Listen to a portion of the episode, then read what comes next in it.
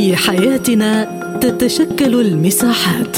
نظل داخلها على اختلاف الثقافات. ولكن في مساحتنا تتحد الغايات. لأننا نغوص في أعماق المجتمعات. فإذا كان لديك وجهة نظر حرة فأهلا بك في مساحة حرة.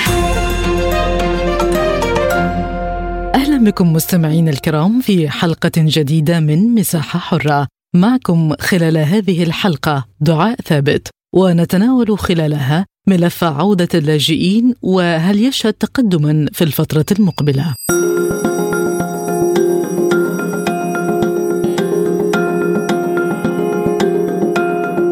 أكد وزير الخارجية والمغتربين السوري فيصل المقداد أن سوريا ترحب بعودة جميع اللاجئين السوريين إلى وطنهم وهي مستعدة لتقديم التسهيلات اللازمة لذلك. وذكرت وزارة الخارجية السورية في بيان أن المقداد شدد خلال اتصال هاتفي تلقاه من وزير الخارجية اللبناني في حكومة تصريف الأعمال عبد الله أبو حبيب على عمق العلاقات الأخوية والتاريخية التي تجمع البلدين. وأن الضرر الذي يصيب أحدهما يصيب الآخر كما تم التركيز خلال الاتصال على موضوع عودة اللاجئين السوريين ووضع حد لكل ما يعيق هذه العودة.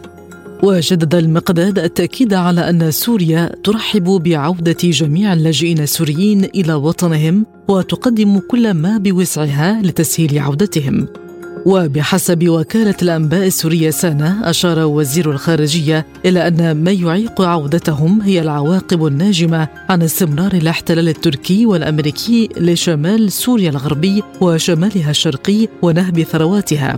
إضافة إلى الآثار الكارثية لاستمرار تطبيق الإجراءات الاقتصادية غير الشرعية المفروضة على سوريا من قبل الدول الغربية المعادية للبنان وسوريا. بدوره أشار أبو حبيب إلى أنه سيترأس وفدا رسميا لبنانيا لزيارة سوريا خلال فترة قصيرة لبحث قضية اللاجئين السوريين معبرا عن حرص حكومة بلاده على التنسيق والتعاون مع سوريا في هذا الإطار. وكان وزير الخارجية الأردني أيمن الصفدي قد أكد أن مستقبل اللاجئين السوريين سيكون في بلدهم عندما تتوفر ظروف العودة الطوعية لهم. كما أشار إلى أن الأردن لن يكون قادرا على استقبال المزيد من اللاجئين السوريين وشدد على أهمية أن يتحمل المجتمع الدولي كله مسؤولية توفير العيش الكريم الذي هو حق لهؤلاء اللاجئين. وشدد الرئيس السوري بشار الأسد خلال لقائه بوزير الخارجية الأردني في يوليو الماضي على أن العودة الآمنة للاجئين السوريين لقراهم وبلداتهم أولوية بالنسبة للدولة السورية مع ضرورة تأمين البنية الأساسية لهذه العودة ومتطلبات الإعمار والتأهيل بكافة أشكالها ودعمها بمشاريع التعافي المبكر التي تمكن العائدين من استعادة دورة حياتهم الطبيعية. ولمناقشة هذا الموضوع ينضم إلينا من دمشق الباحث السياسي حسام طالب أستاذ حسام بعد التحية ما هي طبيعة التسهيلات التي تقدمها دمشق من أجل عودة اللاجئين وما العوائق التي تحول دون عودة اللاجئين السوريين لبلادهم؟ آه، في الحقيقة سوريا هي أكثر المعنيين بموضوع اللاجئين. كون هؤلاء اللاجئين هم مواطنيها تعرضوا للإرهاب تعرضوا لضغوطات تعرضوا لعمليات ترهيب وترغيب أجبرتهم على اللجوء إلى دول الجوار. ولا ننسى أن بعض الخيام في تركيا آه، كان منذ العام 2010 نصبت هذه المخيمات اللجوء وتم استقطاب عدد كبير حقيقة من اللاجئين أثناء آه، ومع بداية الحرب على سوريا.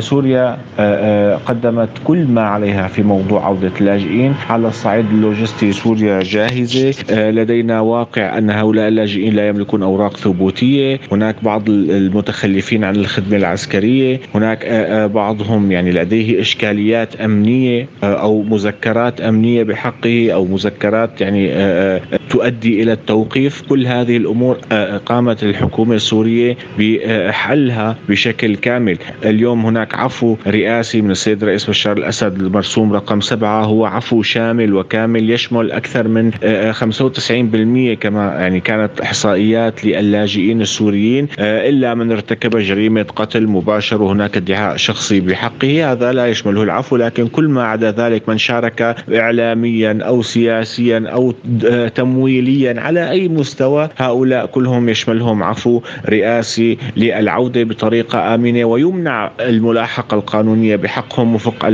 العفو الرئاسي المرسوم رقم سبعة. على مستوى الأوراق الثبوتية وزارة الداخلية السورية بالتعاون مع باقي الوزارات أنشأت مراكز على الحدود لتقديم أوراق مؤقتة لدخول اللاجئين ومن ثم استكمال أوراقهم بعد دخولهم إلى الأراضي السورية. على مستوى الخدمة العسكرية هناك يعني مهلة للالتحاق بالخدمة العسكرية تصل إلى سنة مع إمكانية التأجيل أيضا. يعني الحكومة السورية قامت بكل ما عليها لكن حقيقة يعني آه، ليس العائق عند الحكومة السورية. العائق الأساسي عند الدول الغربية التي لا تزال تدعم الإرهاب لا تزال تحاصر سوريا. العائق الكبير هو اليوم في حصار سوريا. منع إعادة الإعمار من قبل الأمريكي. نهب الثروة السورية في الجزيرة السورية. نهب نهب القمح السوري. كنا نصدر القمح والنفط والغاز حتى اليوم نحن بحاجة إلى استيراد هذه المواد الأساسية في في الاقتصاد في المعيشة في الغذاء. كل هذا الأمر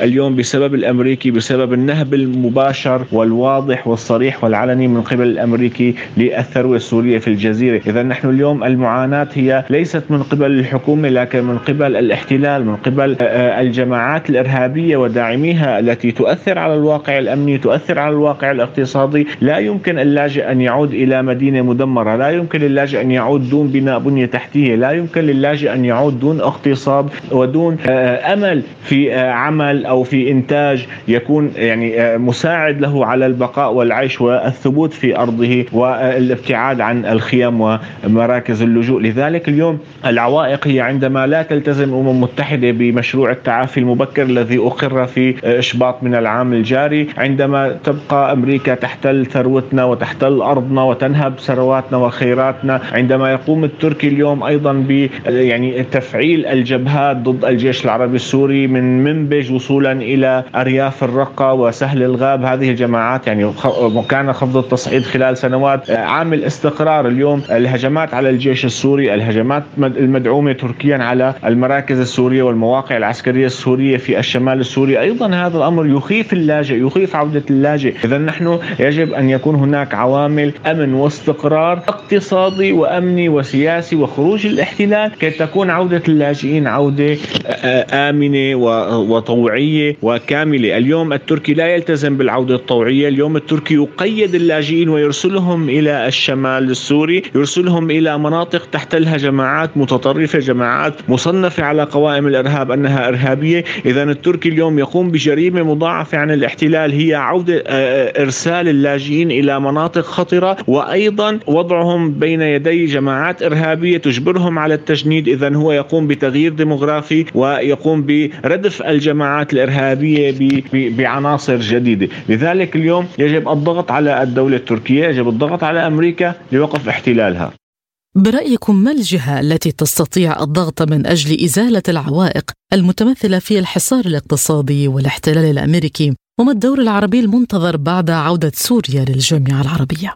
هذا الضغط يجب أن يكون مشترك، يجب أن يكون من المنظمات الإنسانية الدولية، يجب أن يكون من الدول العربية كونها أكبر المتضررين من الازمه السورية، اليوم عندما نتحدث عن الأزمة السورية، الأزمة السورية لها ارتدادات على كامل الدول العربية، فقدان سوريا سيطرتها على الحدود هذا الأمر يؤثر على كل الدول، فقدان سوريا الأمن ووجود جماعات إرهابية، هذه الجماعات تنتقل إلى العراق، تنتقل إلى الأردن، تنتقل إلى كل مكان، إلى لبنان حتى، لذلك الضغط يجب أن يكون عربي، يجب أن الدول الدول العربية أن تنتقل من مرحلة الكلام الجميل اتجاه سوريا تنتقل من البيانات عن وحدة وسيادة الأراضي السورية إلى الممارسة العملية لوحدة وسيادة سوريا على أراضيها من خلال الضغط على الاحتلال الأمريكي الضغط على الاحتلال التركي وتمتلك الدول العربية أوراق قوية وتمتلك عوامل ضغط وتمتلك يعني قوة اقتصادية من تستطيع من خلالها أن تضغط على الأمريكي أو على التركي للانسحاب من سوريا وخلق حالة من الإستقرار. الاستقرار والوصول إلى حل سلمي يرضي الجميع في سوريا وزير الخارجية الأردني يقول إن بلاده ليست مستعدة لاستقبال مزيد من اللاجئين السوريين ماذا عن التنسيق مع الجانب الأردني؟ بالتأكيد الأردن يعاني كثيرا من موضوع اللاجئين. الأردن كان أكثر المتضررين من اللاجئين. الحكومة الأردنية لم تتلقى مساعدات كما تلقت تركيا كما تلقى لبنان. مليارات الدولارات يعني التركي كان خلال السنوات الماضية كل عام لديه سبعة إلى 8 مليار آه، آه، يورو يصلون إلى الحكومة التركية لتوزيعهم على اللاجئين. طبعا شاهدنا وضع اللاجئين. هذه الأموال لم تصل إلى اللاجئين والوضع الكارثي الوضع المأساوي للاجئين. ماذا يحصل للاجئين من من آه، كل أنواع يعني آه، آه، آه، اللا انساني العمل اللا انساني هناك بيع أعضاء بدأ على على منصات التواصل الاجتماعي. هناك عمليات خطف عمليات تجنيد عمليات غسل أدمغة لالتحاق هؤلاء اللاجئين كمرتزقة. يقاتلون مع التركي قاتلوا في ليبيا قاتلوا في ناغورني كاراباخ اذا اليوم التركي أيضا يمارس في هذا أيضا جريمة إضافية جريمة إضافية ضد اللاجئين. ولا يوجد ضغط عربي للأسف. الضغط العربي مهم جدا. الانتقال كما كما قلنا من مرحلة الكلام من مرحلة آه، آه، الحديث إلى مرحلة الضغط المباشر لينفذ قرار الجامعة العربية بوحدة وسيادة الأراضي السورية. الأردن كان متضرر بشكل كبير وما زال متضرر. حتى ما يحصل في الجنوب اليوم أيضا الأردن متضرر منه بشكل كبير سواء في السويداء أو سواء ما يحصل من انفلات أمني خلال أربع خمس سنوات. كان هناك انفلات أمني بعد دخول الجيش السوري إلى درعا. هذا الانفلات الأمني لا زال مستمر. هناك اغتيالات هناك بشكل مستمر. تستمر استهدافات للمدنيين والعسكريين ولل ولي ولي آه، كل المكونات في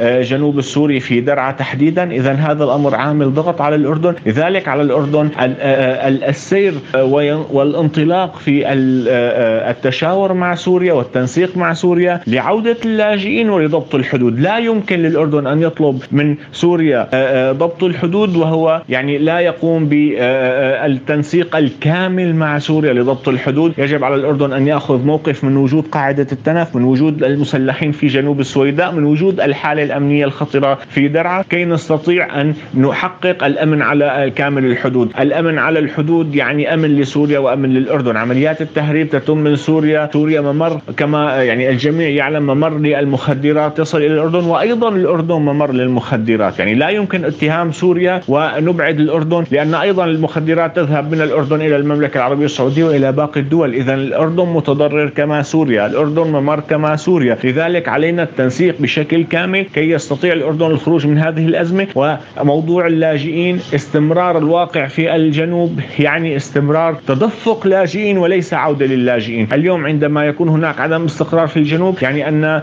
البعض سيحاول الذهاب إلى الأردن والجميع يعرف معظم اللاجئين في الأردن هم من الجنوب السوري. على الأردن اتخاذ خطوات عملية في هذا المسار وعدم الرمي المسؤولية المسؤولية فقط عند الحكومة السورية. الباحث السياسي حسام طالب شكرا جزيلا على كل هذه الإيضاحات. نتجه الآن إلى القاهرة وينضم إلينا مدير المركز العربي للبحوث والدراسات الأستاذ هاني سليمان. سيد هاني بعد التحية برأيكم ما الصعوبات التي تمنع عودة اللاجئين السوريين؟ مساء الخير. تحياتي لحضرتك والسادة المتابعين الكرام. يعني أنا شايف إن هناك العديد من التحديات أمام عودة اللاجئين السوريين مرة أخرى. هذه العودة وهذه التحديات منها ما هو متعلق بدولة المرور أو دولة الاستقرار فيما يتعلق بالنسبة للاجئين في لبنان أو حتى بالأوضاع السياسية والاقتصادية الاجتماعية على مستوى المسار السياسي والمسار الاجتماعي الاقتصادي في الداخل السوري. هناك العديد من المشاكل على اعتبار إن يمكن اللاجئين لديهم عدم ثقة وعدم يقين فيما يتعلق بمسار الانتقال السياسي في الداخل السوري على اعتبار إن يمكن هذا الهدوء النسبي على المستوى المسارات السياسية لا يعكس وجود بيئة مناسبة لهذه العودة على مستوى العملية السياسية والاستقرار والحياة الاقتصادية في الداخل السوري. علاوه على سنوات الانقطاع يمكن احدثت نوع من الفجوة والحاجز الكبير أمام عودة هؤلاء اللاجئين. كمان في بعض التحديات المتعلقة بالأوضاع المعيشية والاقتصادية في الداخل السوري. يعني ان هم وإن كانوا بيعانوا في الداخل اللبناني نتاج ما تعاني منه لبنان من أوضاع اقتصادية متردية ووضعهم يمكن الكارثي في الداخل اللبناني وبالتالي هم يريدون أن يبحثوا عن فرص أفضل وليس العودة لبلد ما زال يعاني من أوضاع اقتصادية سيئة في ظل عدم وجود انفراجة سياسية حقيقية. هذه الانفراجة ستكون حقيقية إذا ما كان هناك مسار سياسي واضح وجود انخراط للمعارضة ووجود مسألة انتقالية وبناء مؤسسات مؤسسات الدولة مرة أخرى والبنية التحتية لكن في ظل عدم اليقين وفي ظل سيطرة دول مثل إيران مثلا على سبيل المثال على الأوضاع الاقتصادية ومحاولة كل دولة الحصول على العديد من المكتسبات فأنا شايف إن ده هيكون مسألة ممزوجة بنوع من عدم اليقين علاوه على إن يمكن سوريا أصبحت مطمع من جانب بعض الدول مثل الولايات المتحدة الأمريكية أو بعض الحسابات التركية أو غيرها وبالتالي حالة التجاذب تلك يمكن عليها أن يتم حسمها وتصفيرها حتى يكون هناك يقين ويكون هناك جدية حقيقية في مسألة عودة اللاجئين في الداخل اللبناني فأنا شايف إن يمكن الأمور ليست واضحة لا توجد مقاربة كاشفة للاجئين في العودة علاوه على بعض الحسابات اللبنانية والسورية فيما يتعلق بهذا الأمر. وزير الخارجية اللبناني سيترأس وفدا إلى دمشق لبحث قضية اللاجئين، ما الذي قد ينتج عن اللقاء بخصوص وضع اللاجئين السوريين في لبنان؟ وهل تحل مشاكلهم داخل لبنان خاصة مع بعض الحملات ضدهم؟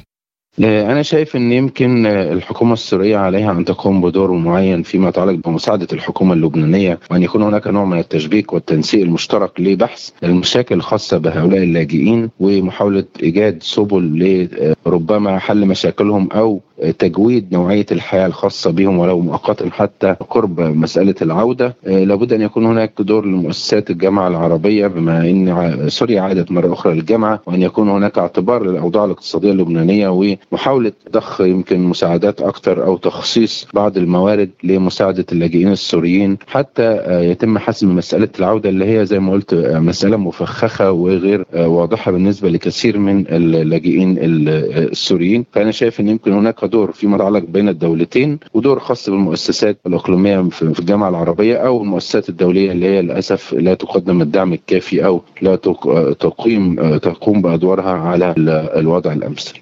هل الدول العربية قادرة على التغلب على الحصار الاقتصادي المفروض على سوريا من أجل إعادة الإعمار وبالتالي تسهيل عودة اللاجئين؟ يعني الولايات المتحدة الأمريكية عليها دور كبير. هي طرف من أطراف الأزمة وهي مسؤولة عن تهالك البنية التحتية نتاج برضو بعض المطامع الموجودة في منطقة الفرات وأجوارها فيما يتعلق بالداخل السوري. ويمكن ما نحن عليه من تفاقم العديد من الأزمات في المنطقة هو نتاج السياسات الأمريكية المتعاقبة من عدم وجود استراتيجيات للتعاطي مع هذه الأزمات ومحاولة حلها، بالعكس الولايات المتحدة أصبحت وأنخرطت وكانت طرف في هذه الصراعات، يمكن مراحل متعاقبة من الفشل بدأ من العراق وأفغانستان نهاية بتسليم أفغانستان لطالبان ثم عدم وجود حلول للإدارة الأمريكية في أزمات الشرق الأوسط ومنها الملف السوري، بالعكس هي كانت طرف ويمكن عقدت بعض المقاربات والصفقات مع بعض الدول مثل تركيا وبعض الفاعلين الأخر والفاعلين من غير الدول حتى وهناك تقارير عديدة بعلاقتها بالميليشيات اللي كانت عاملة في الداخل السوري. لكن في النهاية أنا شايف إن يمكن مسألة تدويل الأزمة السورية هيكون له دور مهم في تأخير مثل هذه الانفراجة وهذا الحصار. هناك أدوار زي ما قلت للجامعة العربية المنظمات الإقليمية لكن الولايات المتحدة الأمريكية لا تقوم بدورها التي الذي لطالما تحدثت عنه على أنها القوى الأوحد في العالم. أعتقد أن يمكن المسارات الإقليمية والدولية باتت متغيرة بشكل كبير. هناك عدم ثقة في الإدارة الأمريكية. المدركات السلبية ناحية واشنطن أصبحت حاضرة وبقوة وبالتالي ده بيعكس الدور الضعيف للإدارة الأمريكية وجو بايدن في المرحلة الحالية ووجود أدوار أخرى لسواء دول مثل روسيا أو الصين وغيرها أو منظمات صاعدة مثل البريكس أو منتدى شنغهاي للتعاون. فأعتقد أن يمكن هذه المنظمات وهذه الدول هيكون لها أدوار أخرى وأكبر في المرحلة القادمة نتاج هذا الفشل والفشل في الداخل السوري هو جزء مهم من هذا الأمر وهيعيد صياغة وتشكيل موازين القوى وشكل العلاقات الدولية من جديد.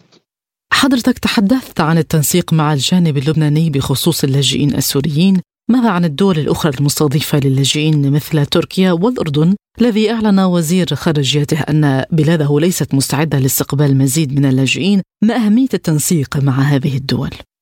يعني أنا شايف أن ده تنسيق مهم ومطلوب على اعتبار ان هذه الجهات هيكون لها دور مهم. اللاجئين السوريين يمكن منتشرين بين عدة دول في سوريا وبعض الدول في لبنان عفوا وبعض الدول الاخرى فأعتقد إن يمكن هؤلاء اللاجئين في الدول العربية يحتاجوا مزيد من الدعم مزيد من التركيز. وبالتالي يمكن الحكومة السورية مطالبة بالقيام بأدوار أخرى أكثر إيجابية في التواصل مع أبنائها والتواصل مع هؤلاء اللاجئين ومحاولة ربط الخيوط مرة أخرى وخاصة بعد حالة الفجوة والتعري في سنوات الحصار والأزمة فأنا شايف إن ده مهم في هذا التوقيت. هناك تنسيق مطلوب على مستوى الثنائي بين سوريا مع هذه الدول على المستوى المؤسسي والحقوقي والجهات الدولية المانحة في المنظمات الأقليمية والدولية. أنا شايف إن ده مهم وواجب في هذه المرحلة الصعبة اللي يمكن سوريا وبعض عديد من الدول بتعاني من بعض المشاكل الاقتصادية. وهؤلاء اللاجئين أصبحوا في أزمات متفاقمة ومعقدة ومتشابكة فمن الصعب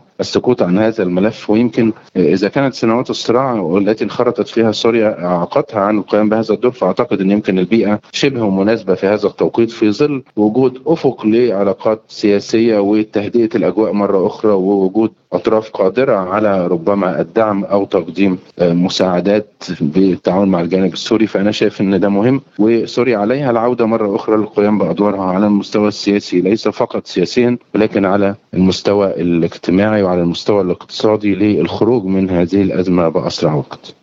مدير المركز العربي للبحوث والدراسات الأستاذ هاني سليمان شكرا جزيلا على هذا اللقاء.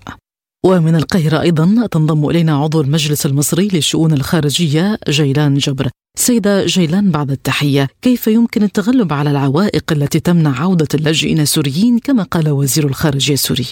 أهم هذه العوائق هي الضمانات التي نقدمها لهؤلاء اللاجئين الذي عن الذين عانوا كثيرا في لبنان بسبب هجرتهم إلى لبنان وجلوسهم لفترات وسنوات طويلة. العودة الآمنة اولا امنيا، العودة الآمنة كمان حياتيا، البيئة التي سيكونون فيها، توافر الخدمات المبدئية لهم، ضمانات السكن الآدمي لهم، عدم المحاسبة أو عدم المعاناة في تأمين كل سبل الحياة، العمل، هل هناك سيكون هل هناك خدمات وعمل يضمن لهم دخل معين؟ هل هناك مدارس لهؤلاء الأطفال بأوراق لا يوجد أوراق ثبوتية كثيرة آه لأنه لا هاجروا بما لديهم. إذا عودتهم سن تؤمن لهم أوراقهم ثبوتياتهم الرسمية آه أعمالهم سكنهم أيضا ضماناتهم الصحية. كل هذه الضمانات الإنسانية اللي هي بداية إنسانية أولا ثم اقتصادية ثم سياسية.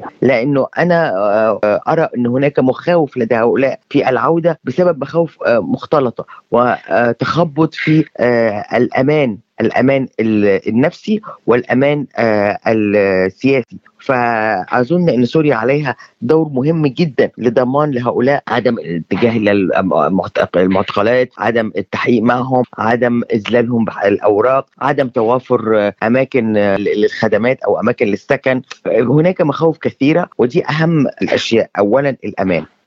الحديث الآن عن أن المشكلة في عوامل أخرى مثل الحصار الاقتصادي والاحتلال التركي والأمريكي وأن الحكومة السورية قامت بما عليها كيف يمكن مواجهة ذلك؟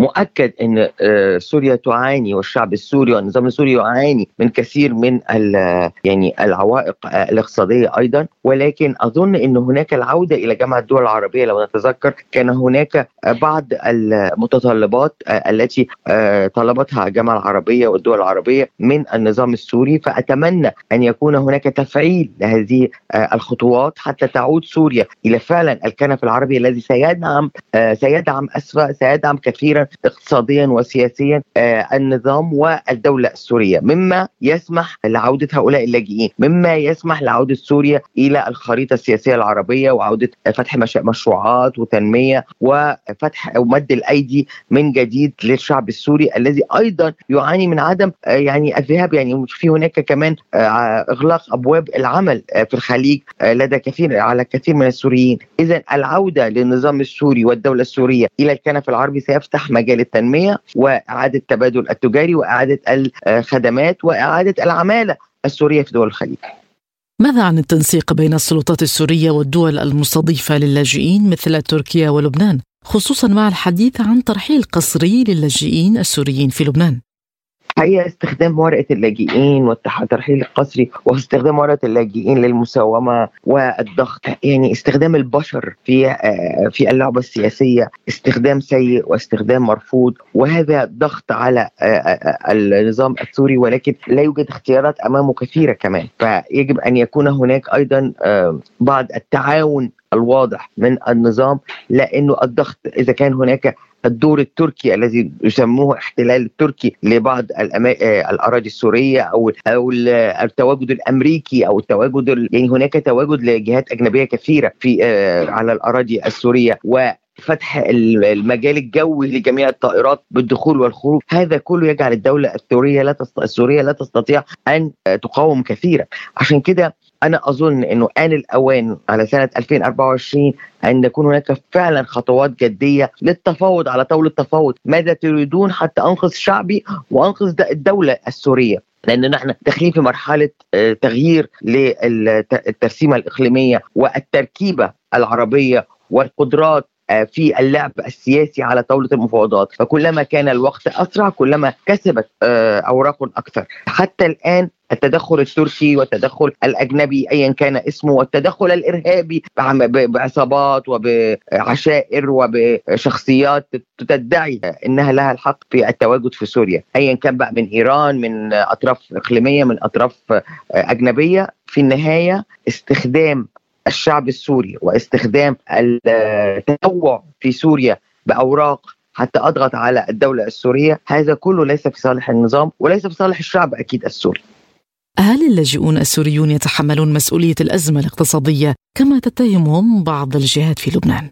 نكون صريحين التواجد السوري آه، في لبنان ورقة ضغط وأيضا ورقة آه، ضغط فعاله لأنه العدد في لبنان نحن نعرف الاقتصاد اللبناني المنهار ونعرف الطوائف اللبنانية المتنوعة 18 طائفة آه، لبنانية. فإذا أنت لم تضعي التواجد السوري اللي هو أغلبه من السنة يغير في في الموازين يمكن استخدامه. أيضا الحالة السورية المزرية من من العمالة السورية التي تدخل آه، باب المنافسة بأرخص مع آه، اللبناني أو المواطن اللبناني. فهي من كل الجهات اقتصاديا وطائفيا وأيضا آه، سياسيا. فاذا إحنا هنا بنستخدم أيضا المرة العشره الشعب السوري في آه، اللعبة اللبنانية والطائفه اللبنانية. آه كان نجد إنه هذا عذر واضح وفعلا يقلق الكثير من اللبنانيين وينافس في الاقتصاد اللبناني ينافس العمالة اللبنانية ولكن أيضا لا يوجد ملاجئ كثيرة. يعني إذا كانت تركيا تستخدمهم ربما في انتخابات تستخدمهم في أوراق ضغط مع الاتحاد الأوروبي أيضا لبنان تستخدمها عند لديها مخاوف طائفية. أيضا دول عربية تضعهم في الصفوف الأولى آه، في آه، على الحدود. يعني استخدام البشر في كل مرة مع الأزمات السياسية والاقتصادية حتى أجني ثمار عن طريق الضغط على هؤلاء اللاجئين اللي هم فقدوا كل شيء. أيضا فقدوا كمان من هويتهم ومن كرامتهم ومن أمانهم الاجتماعي. أظن صعب وكل مادة يصعب أكثر ويحرج النظام في كل دولة أكثر. ماذا على المجتمع الدولي فعله تجاه أزمة اللاجئين السوريين وإلى أي مدى هو مقصر؟ أكيد مقصر طبعا لأنه هذا الشعب السوري لم يجد فعلا من يستطيع أن يعطيه فرصة للعمل للأمان للمعيشة للعودة. كلها كلمات وكلها شعارات حتى الآن واتفاقيات على حسب مصالح الآخرين من الدول التي تستضيفهم أيضا. لأن كدولة تستضيف من حقها أن تبحث عن مصالحها بهذه الورقة. فاذا على النظام السوري والدولة السورية إعادة احتواء جميع من خرجوا من الدولة السورية وهذا صعب. ولكن عليها الاحتواء لتضع هؤلاء يكونوا صف أمامي للدفاع عن الدولة السورية والشعب السوري يكون في كنف مظلة أراضي سورية وليس مظلة تركية أو أردنية أو لبنانية أو يعني هذا كله يجعل النظام يفقد من مصداقيته. لازم تكون الأمور واضحة أكثر ده رأيي. احتواء الشعب السوري كل طوائفه تحت المظلة السورية. عضو المجلس المصري للشؤون الخارجية جيلان جبر شكرا جزيلا على كل هذه الإيضاحات. الشكر موصول لكم مستمعينا الكرام بإمكانكم الاطلاع على المزيد عبر موقعنا سبوتنيك دوت اي